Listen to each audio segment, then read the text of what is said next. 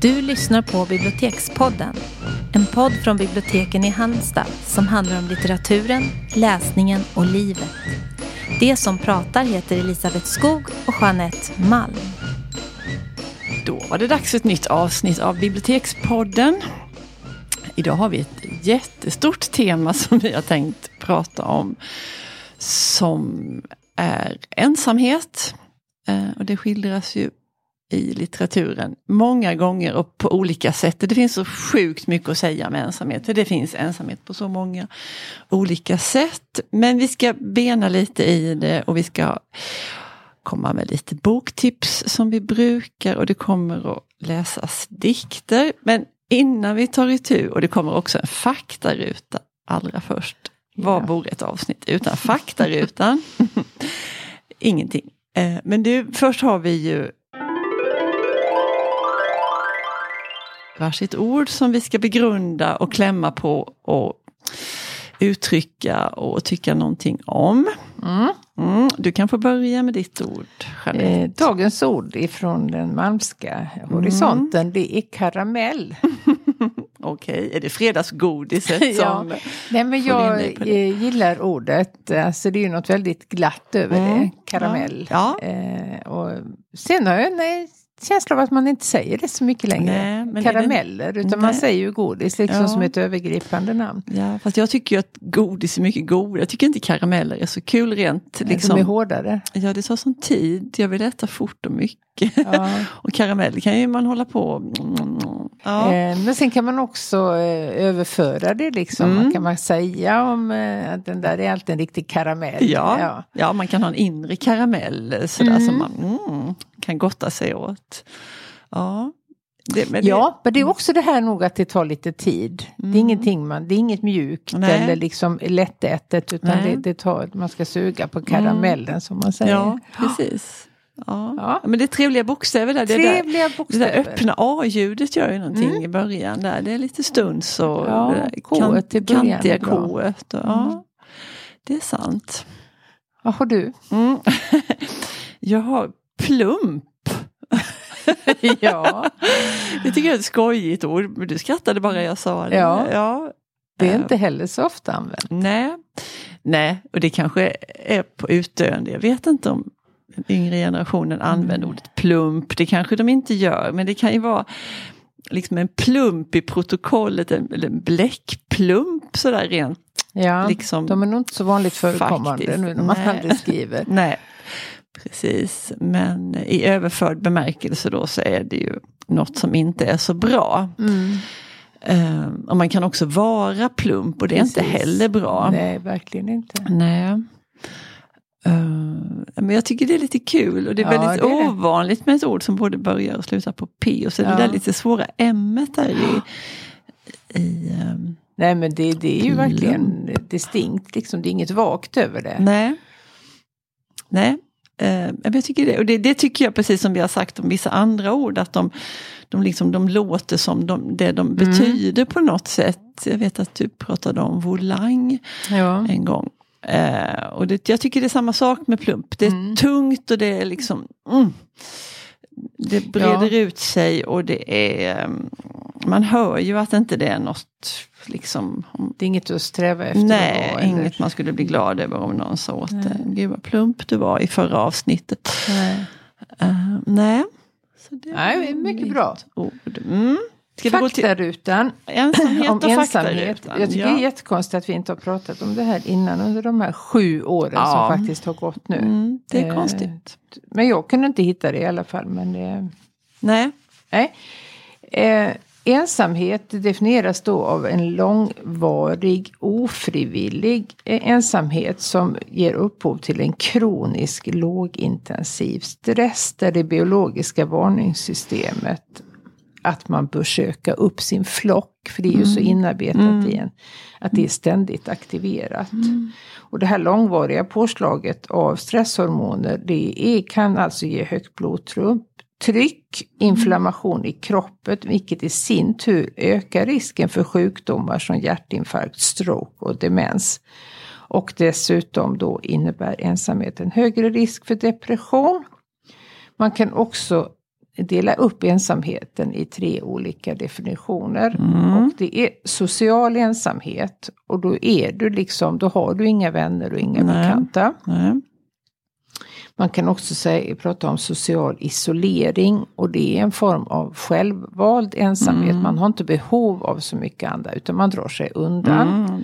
Mm. Och sen är det den emotionella ensamheten. Och då kan man ha ett jätterikt kontaktnät men du har ingen förtrogen och du har ingen nära vän utan du har en drös med bekanta. Ja. Mm. Det är inte vilket som är värst Nej. egentligen. Men eh, sorgligt är det. Ja, det är det. Eh, Men om vi ska gå till, det, det finns flera olika sätt att dela in, dela in ensamhet, men det kan vi komma till sen. Um, och vi, ja, det finns också en, en idé om att vi i Sverige, vi är de ensammaste människorna och till skillnad ifrån andra länder. Och sen. Vi kan också återkomma om det, för jag vill i alla Mm. fall börja med Kristina Lugn. Vi måste återkomma till henne lite då och då. Ja. Och, eh, det Kan inte vara för ofta. Nej, verkligen inte. Och när vi pratade om det här ämnet och vilka böcker eller författare som, som var aktuella så tänkte jag genast på henne. För hon har ju ofta skrivit om ensamhet och jag tror alla de här tre kategorierna som du beskrev där tangerar hon på olika sätt Mm. i sina Mm. dikter. Man är, man är verkligen ensam men man är också, de diktjagen hon skriver om kan ofta vara ensamma i, i relationer. Mm. Eh, och sen så gör hon ju det där försåtliga att hon, ofta är hon väldigt rolig på samma gång. Och, det, Ja. eh, och man kan förledas och tycka att hon är en skojfrisk person endast. Och det är ju Mm. att göra både Nej. henne och dikterna orättvisa. För där finns ju ett bråddjup Verkligen. strax intill flabbet. Eh, Men jag, jag tittade lite i en av de här samlingarna som jag har. Som då. heter Samlat lugn. Ja, precis. Och det är både dikter och Och dramatik, i Sen finns samma volym. annan, ja, precis. Sen finns det en som kom tidigare som heter Lugn, bara lugn. Ja. Som också är ett genidrag. Jag ska läsa Ja. de två första stroferna ur en dikt här. Ensamheten saknar likhet med en stilla hemmakväll i skymningsblå korsett med en kanelbulle i famnen. Den liknar inte alls en sovvagn på sin muntra färd genom urtrista jordiska småhuslandskap. Aldrig någonsin liknar den en död prinsessa i en spjälsäng skimrande av tårar som ingen orkar torka upp. Det finns ingen grön chartreuse, ingen enda batteridriven massagestav i ensamhetens mörkna lilla skola. Men yxor finns och rep och branta vattenfall. En trasig elsladd finns. Det finns stiletter som plötsligt fälls ut ur vänligt framsträckta bananer. Oj. Mm. Men just den här liksom kontrasten, den här inledningsmeningen tycker jag är så Ensamheten saknar likhet med den stilla hemmakväll Ja. i skymningsblå korsett. Ja, Ja. Och sen blir det ju väldigt alltså, stegrad dramatik Ja, med stiletten i bananen. jag vet ingen annan som hade kunnat skriva i ensamhetens mörkna lilla skola. Nej. Det är så. Vilket geni hon var. Ja. Jag tycker att hon liksom på sitt, med få ord och väldigt genialt så beskriver hon väldigt väl det här. ja, och hon helt i avsaknad av plattityder och förenklingar. Ja, utan ja, hon är ju så... Nej.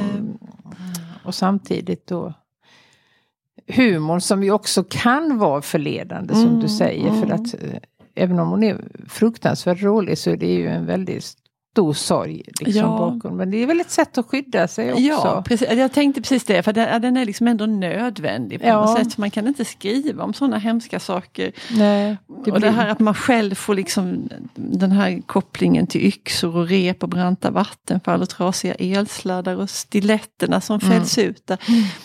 Man får själv liksom tänka, ja. hur kommer de in? Och så, Ja. så finns ändå den där humorn där som, Mm. som ändå gör det uthärdligt. Mm. Faktiskt. Jag ska läsa en annan väldigt, väldigt kort Som jag tror är liksom en blinkning till från Kristina till Kristina, kanske. Det finns inget så lätt exploaterat som människors ensamhet. Det är det som är grunden för hela min affärsverksamhet. Ja. ja. Att skriva dikter som en affärsverksamhet ja. är också ett nytt sätt att se på det. Eller hur? Kristina ja. Lugn. Ja. Tur att hon ja. skrev mycket och att texterna finns kvar, att vi kan återvända till dem.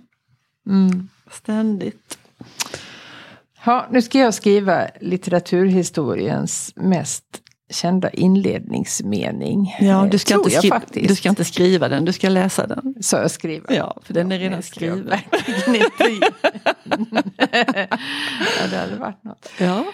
Många år senare inför exekutionsplutonen skulle överste Aureliano Buendia påminna sig den avlägsna eftermiddag då hans far tog honom med för att visa honom isen. Mm. Alltså det är väldigt mycket information och mm. väldigt många mm. obesvarade frågor mm. där som man blir fruktansvärt nyfiken på. Ja, men det är så himla snyggt att liksom göra en sån inledning som ja. är så förtätad. Och, och våga berätta vad som egentligen Ja. Det skulle man ju kunna spara till slutet. Det här med ja, men hur hamnar han mm. framför en exekutionspluton? Mm. Nej, men då tar vi det i första meningen och sen får vi liksom berätta mm. historien. Mm.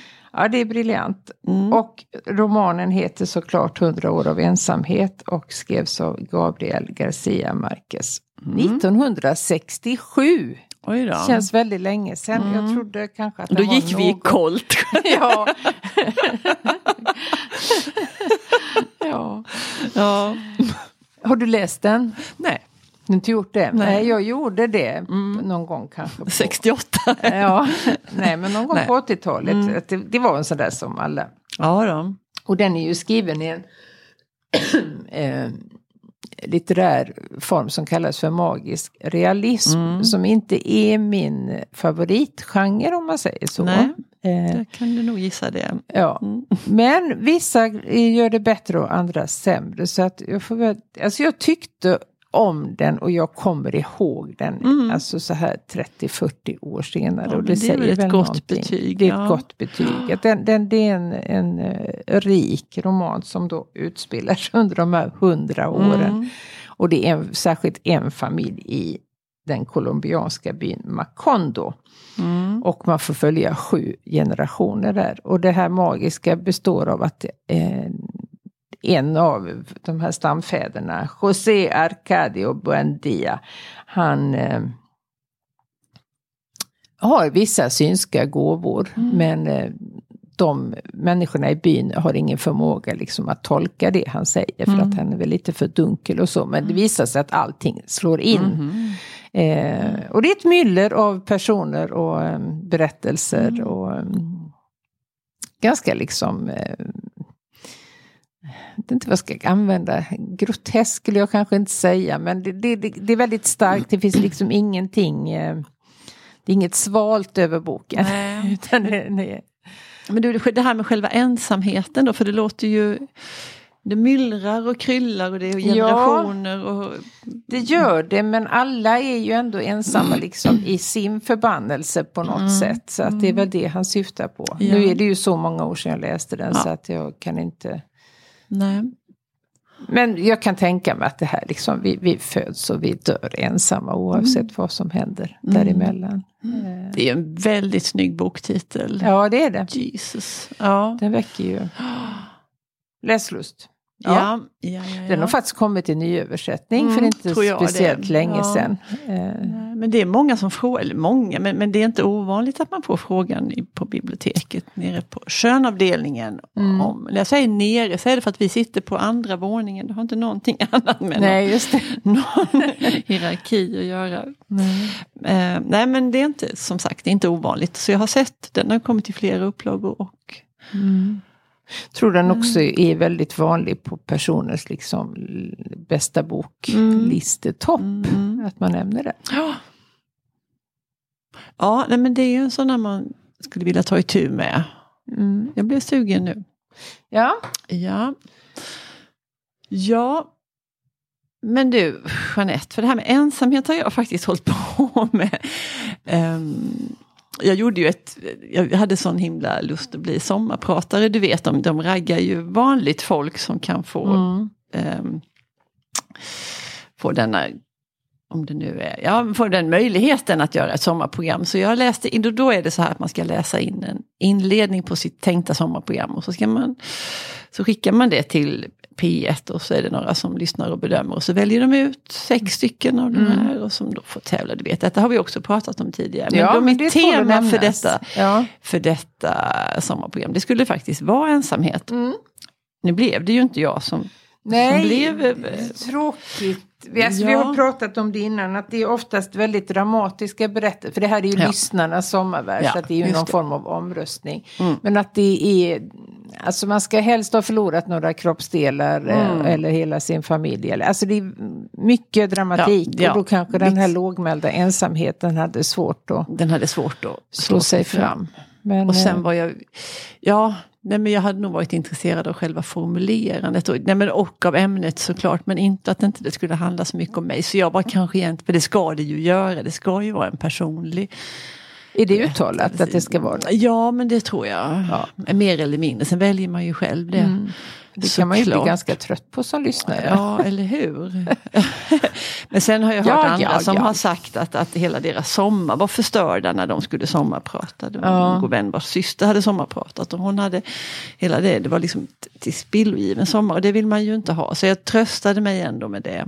Men, men vad som hände sen då, det blev ju inget sommarprogram, men det var ett studieförbund här i stan som som hörde av sig till mig. De var väldigt gulliga och tyckte men vi skulle vilja höra, kan du inte göra som ett sommarprogram som du kan ha här hos oss? Det var Mm. Vuxenskolan i Halmstad. Så, då Ja. blev jag ändå lite glad för jag tyckte Ja. det var ju kul ändå. För, för jag, jag ville ju hålla på med det här ämnet och, och då fick jag ett skäl att göra det, vilket jag annars hade Mm. jag inte brytt mig.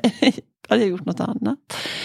Men ja, och det var mycket om det. Men, men em, inför det här då så, så hittade jag en bok som jag blev otroligt fascinerad av. Hon heter Emily White, det är en kanadensisk författare.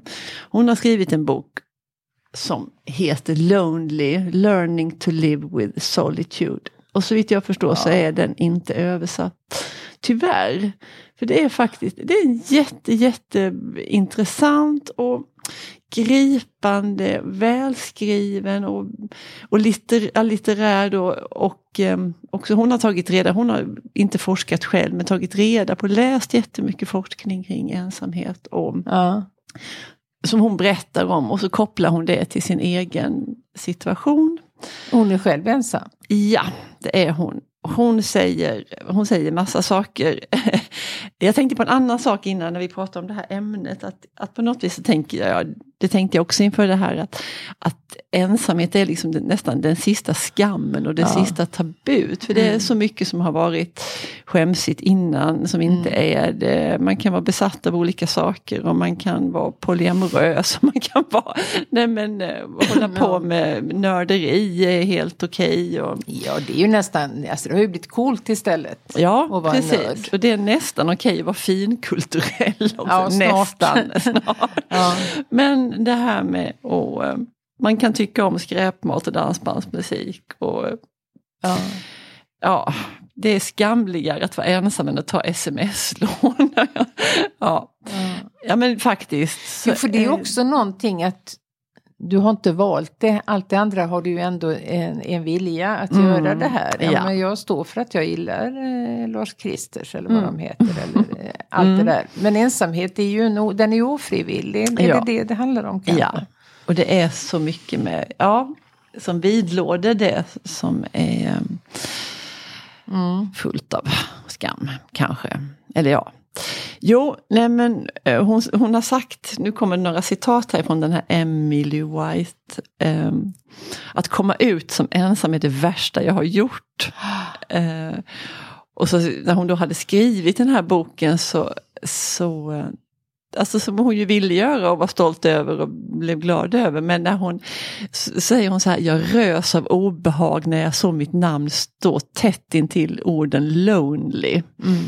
På det här bokomslaget då, alltså att, att det är så så hemskt att bli förknippad mm. med detta så att även om hon hade skrivit en bok som har fått mycket genomslag eftersom ja. jag har lyckats höra om den här långt borta från Kanada så fattar man att den har blivit en succé. Ja.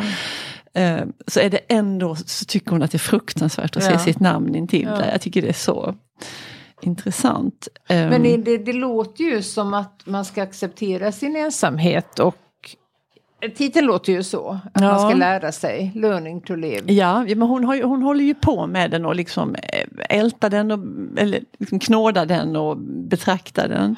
Hon, hon säger om sig själv så här att ensamhet var någonting som jag föddes in i. Eh, något som betraktade mig som sitt och det var lönlöst att fightas mot ensamheten. Det enda jag kunde göra var att försöka följa och förstå. Alltså att hon ville kartlägga det här så noggrant mm. som hon bara kunde. När nu den här ensamheten klängde sig fast vid mig så var det minsta jag kunde göra eh, var att vrida mig i dess grepp och verkligen titta på den. Om jag inte kunde avvärja den så kunde jag åtminstone skärskåda den på samma sätt som den iakttog mig hon försöker då på något vis att bota det här ja. eh, um, på olika sätt. Hon går i jungiansk analys, hon testar sömnterapi och bowling och cykelturer och internetdating. Ja. Um, men ja, så skriver hon så här, det här tycker jag är så himla fint. Hon upptäcker att vad hon inte behöver så är det det här liksom att socialisera. Hon behövde det här med bowling och dating och det var liksom inte det, men jag behöver någon hemma hos mig, någon vars andning jag hör när jag sitter och läser, någon vars mm. fotsteg jag hör i hallen, någon vars röst kan nå mig från ett angränsande rum. Den tysta närvaron av en annan människa. Mm. Um, ja, men det finns, det är en jätte, jättehärlig bok uh, och intressant och hon är väldigt, det märker man ju, liksom utlämnande. Men på ett, alltså det är inte något fläkigt sätt eller Nej, något eh, det är skillnad. stor, eh, sådär att det är så himla synd om henne. För det, det, tycker hon egentligen inte själv heller. Men, men hon, jag tycker det är väldigt talande det här hur hon beskriver att hon, hon vill titta på den här ensamheten. Och, ja. Ja. Men har hon någon teori om varför hon är så Nej, ensam? Hon, hon menar ju att det är liksom att hon är född med den, ja. säger hon ju. Um, och hon, har, hon använder då två begrepp för det här med ensamhet. Det är någonting som hon kallar för short term loneliness. Det är korttidsensamhet. som kan vara liksom en regnig tisdag när ingen råkar vara hemma och man har lite tråkigt. Och, och det mm. är en sinnesstämning som kan lätta efter ett tag oavsett, mm. man kanske är ensam hela den tisdagen. Men, men just den där mm liksom nedslagenheten och den här starka känslan av ensamheten kan klinga av. Och sen så har hon då kronisk ensamhet och det hörs ju på namnet att det är någonting värre och det är det som hon själv har och det som boken handlar om. Och hon menar då att rötterna till den här kroniska ensamheten det är en kombination av arv och miljö. Ja. En del människor är födda med en tendens att känna sig ensamma. Och kronisk ensamhet är liksom ingen sinnesstämning. Det är ett faktum. Ja, det är ett ja. faktum. Ja. Jo men man tänker ju, det händer ju relativt ofta att personer hittas döda som har legat i månader och år. Ja. Ingen har saknat dem. Nej. Alltså det, det är ju, mer ensam kan man ju inte bli. Nej. När det inte finns någon när det går så lång tid. Mm. Uh. Nej, fruktansvärt. Och det är också sånt som liksom alla blir så berörda när man ja. hör om det. Ja. Och det kan vara, de kan ju bo i hyreshus med grannar på liksom båda sidor och över och under. Ändå mm. ingen. Nej, precis. Och det är ju också som vi var inne på lite innan, det är ju liksom en urgammal grej det här att att det här med den här kroniska ensamheten som hon kallade då, att det är ju inte bara en sorglig omständighet, för det är ju livsfarligt mm. faktiskt att inte ha, att inte vara en del av den här flocken. Mm. Och det är ju sen gammalt, det är ju liksom evolutionärt det där. Att ja, att vi, vi klarar oss inte. Nej. Vi gjorde inte det, vi överlevde inte. Mm. Och det vet kroppen om fortfarande. Ja, för vargen kan ta oss och det är farligt där ute. Mm. Om man inte har någon. Uh, så, hon säger också någonting, för den som är ensam ser världen ut som en mycket mer hotfull plats. Så det, Ja, det tycker klart. jag också är, ja, verkligen. Och det, ja. och det kan ju verkligen leda då till, till påtagliga fysiska sjukdomar. Mm. Mm. Ja, Richard Yates, du vet. Vår darling. Vår ja, darling. Han har skrivit dem. en novellsamling som jag läste när den kom. Jag kommer särskilt ihåg en novell där, men den heter 11 sorters ensamhet. Och alla, det är det gemensamma nämnaren för alla de här elva novellerna, att det är personer som Mm. på olika sätt är ensamma. Och han är ju ingen eh, uppåt, han är ingen feelgood författare utan det är ju väldigt eh, sorgliga berättelser oftast.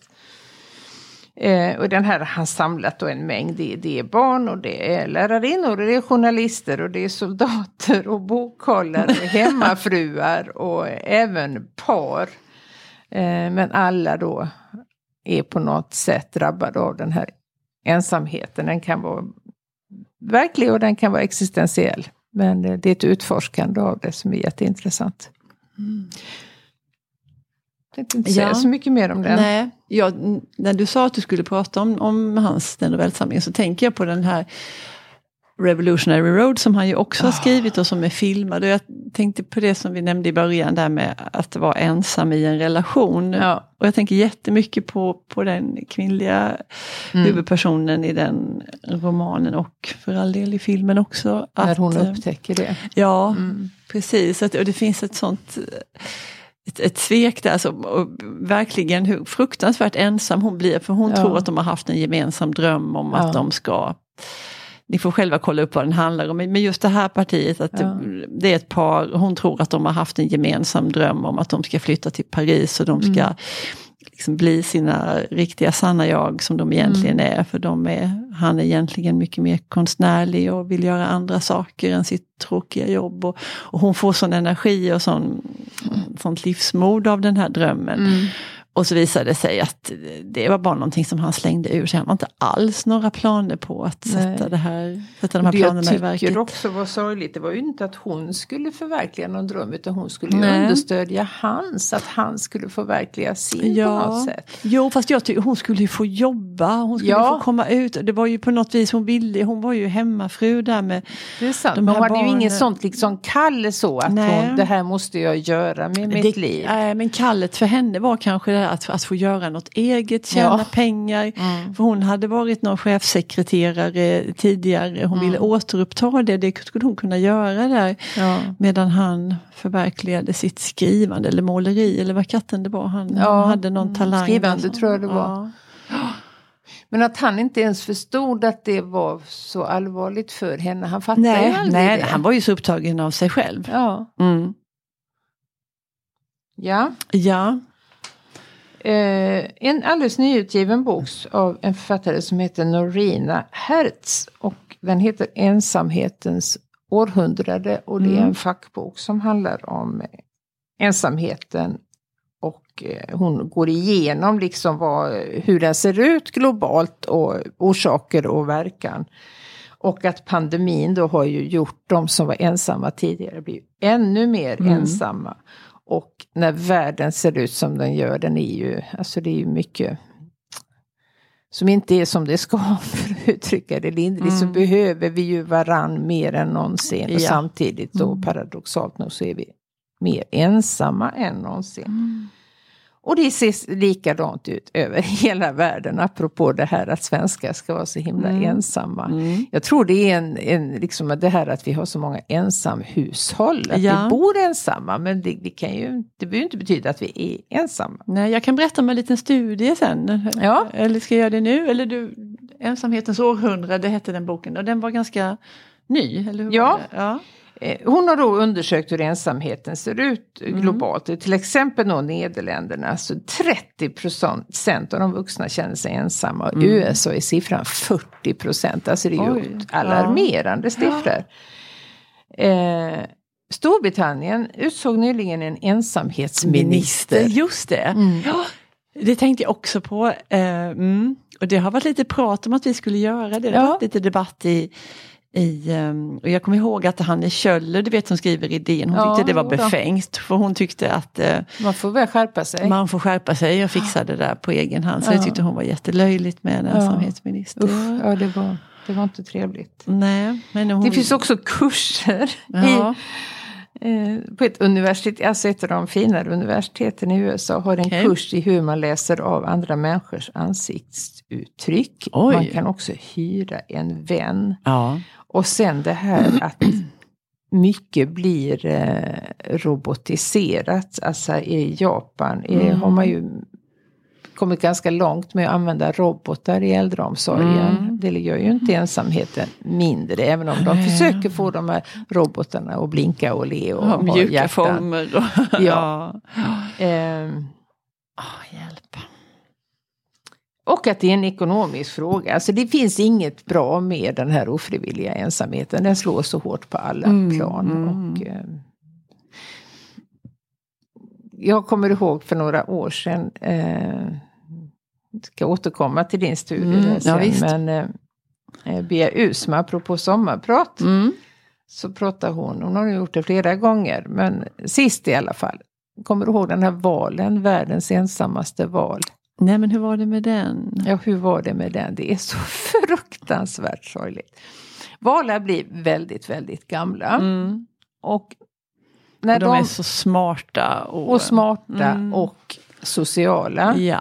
Och när de blir könsmogna så Mm. sänder de ut, då simmar de runt i världshaven Ja. och sänder ut liksom en sång som talar om här är jag, var ja, är du? Ja, jag är beredd. Ja. Då finns det en val som minst 25 år. Mm. De kan alltså leva i uppemot 100 år. Ja. I minst 25 år har den här valen simmat och sjungit. Mm. Men han sjunger på en frekvens som inga andra valar hör. Och det vet ju inte han. Nej. Och den Åh. frekvensen är då på 52 hertz. Så därför har han blivit döpt till 52 hertz. Och alla andra valar sjunger på mellan Åh. 15 och 25 hertz. Men, men gubben då? Ja, alltså är det inte så sorgligt så att man Jo. går i tur nästan. Och kan ingen, men kan ingen hjälpa honom? Det, det fungerar ju inte. så. Man skulle kunna montera på någon liten som förändrade hans signaler så att de blev gångbara. ja. Ja. Ja, nej, det är deppigt. Ja, mycket deppigt. Åh. Och vackert ändå på något Ja. vis. Ja, men du, hur var det med undersökningen? Jo då, nej men det här är ju också några år gammalt. Men jag vet inte hur mycket som har hänt på denna forskningsfront sedan dess. Men, men då när jag var som mest upptagen av alltihopa detta så läste jag om Filip Fors och Bengt Brulde. Det Ja. är de främsta då för närvarande, skrev jag, forskarna på detta ämne. Då. De var med i en stor europeisk studie som bygger på många intervjuer med flera tusen europeer. Ehm, och ser man på då så är det faktiskt så att svensken känner sig nästan minst ensam av de andra länderna som har deltagit i detta. Och jag tycker det är lite intressant att slå hål på den där myten till exempel att italienare, att där ska det alltid krylla och de bor så tätt och det är alltid någon gammal farmor eller farmors mor som sitter i något Stora och- middagar. Ja, stora middagar och det är katter och många generationer och Mm. sådär. Att och där, det är ju inte ensamt, det hörs ju. Medan vi då är så stela och stiffa och vi har Mm. många ensamhushåll och sådär. Men, men att det, det går liksom inte automatiskt att säga att vi är mer ensamma bara för det. Ehm, och de skriver så här då att i Sverige så är vi inte bundna till familjen på samma sätt som till exempel italienare. Nej. Att vi är fria och väljer Ja. relationer Ja. på ett helt annat sätt. Och att vi är, alltså hur då ensamma vi än kan te oss där och vi är stela, vi är noga med integriteten så har vi ofta fler vänskapsrelationer. Ser man på än människor i andra länder. Eh, och dessutom så visar då den här forskningen att vi är mer nöjda med våra sociala nätverk Mm. än personer då som förespråkar traditionella familjestrukturer. Och det, ja, heja tycker jag, för det är Heja. någonting med att, att man inte blir liksom placerad i ett mönster och så får man... Det är ju en otrolig bindning i det för att där får du ju, alltså kollektivet är ju viktigare än individen och då, då måste du följa det. Mm. Och tänk om man inte är som de andra och Nej. du har ingen möjlighet att uttrycka det. Och det. Nej. Nej men jag, alltså, de hade var någon konklusion där sen att, att antalet hushåll i ett land det är liksom inget bra mått på hur Nej. ensam en viss befolkning känner sig. Nej. Och så frågar någon då så här, är myten om den ensamma svensken, är den död nu? Nej det kanske den inte är men att de vill i alla fall ha fram att ensamhet är en mer komplicerad fråga än det. Och en annan väldigt spännande sak är ju att sakna vänner får oss att må sämre än att sakna en partner. Mm. Mm. Det tycker jag också tål att Ja, tänka på. Ja, det är ett sånt jätteintressant jätteintressant ämne. ämne. Ja. Ja. Mm. Men vi kanske ändå ska runda av ja, vi får göra det. för idag. Eh, ja. Mm. Tack för idag. Tack och Hej. hej.